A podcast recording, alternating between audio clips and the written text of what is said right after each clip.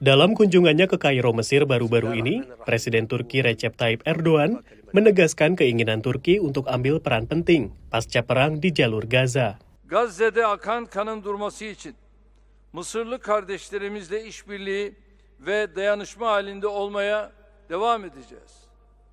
Orta vadede Gazze'nin yeniden toparlanması ve imarı için de Mısır'la birlikte çalışmaya hazırız.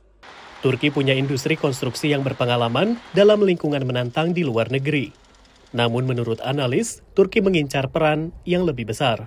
The Turkish government has already made it very clear that they'd be very interested in the, in the reconstruction of Gaza. Whether it will be only left to them is a different question, depending on who does the financing. But there may also be need. There may also be a need for um, a peacekeeping force. I mean, you need to provide security, and there maybe Turkey can play a role because it does have first the expert. I mean, the expertise on it. Berbeda dengan sekutu barat dan negara-negara teluk, Turki yang merupakan negara anggota NATO tidak memandang Hamas sebagai organisasi teroris. Bahkan dalam sejumlah pidatonya, Erdogan menyebut Hamas sebagai kelompok pejuang kemerdekaan dan justru menyebut tindakan Israel sebagai tindakan teroris. Menurut analis lain, Erdogan mungkin mengharapkan perubahan lanskap politik Israel seiring meningkatnya sentimen negatif terhadap pemerintahan Perdana Menteri Benjamin Netanyahu. He reads the future like uh, Netanyahu will be out of the picture uh, one way or the other, but Hamas will be staying.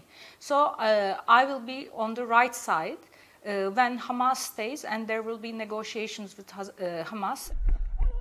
Masifnya serangan Hamas ke Israel Oktober lalu dan sejarah panjang dukungan Erdogan ke Hamas dikhawatirkan akan memperparah hubungan Israel dengan Turki terutama mengingat Ankara kerap menjamu para pemimpin Hamas dalam beberapa tahun belakangan. There's a lot of suspicions uh, in Israel against Turkey, uh, both because of its reaction to the war, but also because we know of all this Hamas activity that was going on on Turkish soil.